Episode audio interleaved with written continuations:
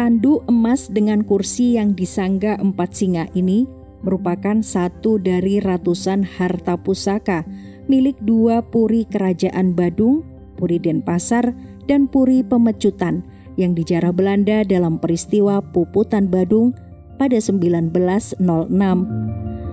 Tandu emas ini turut diusung ke medan perang mengangkat raja di Puri Pemecutan, Jokorda Pemecutan ke-9 yang sudah terlalu tua tapi tetap bernyali besar. Dia bersama raja-raja dan bangsawannya hingga rakyat kerajaan maju untuk bertarung dalam perang penghabisan. Pada 20 September, Belanda memulai serangan langsung ke Puri Kesiman sebagai benteng terdepan Raja Badung.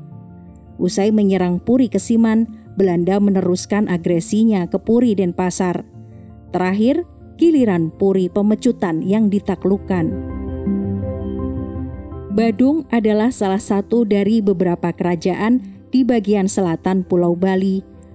Kerajaan Badung terbentuk dari otoritas tiga kerajaan, yakni Kesiman, Denpasar, dan Pemecutan kerajaan ini memulai masa jayanya pada awal abad ke-19 hingga ditaklukkan Belanda pada awal abad ke-20.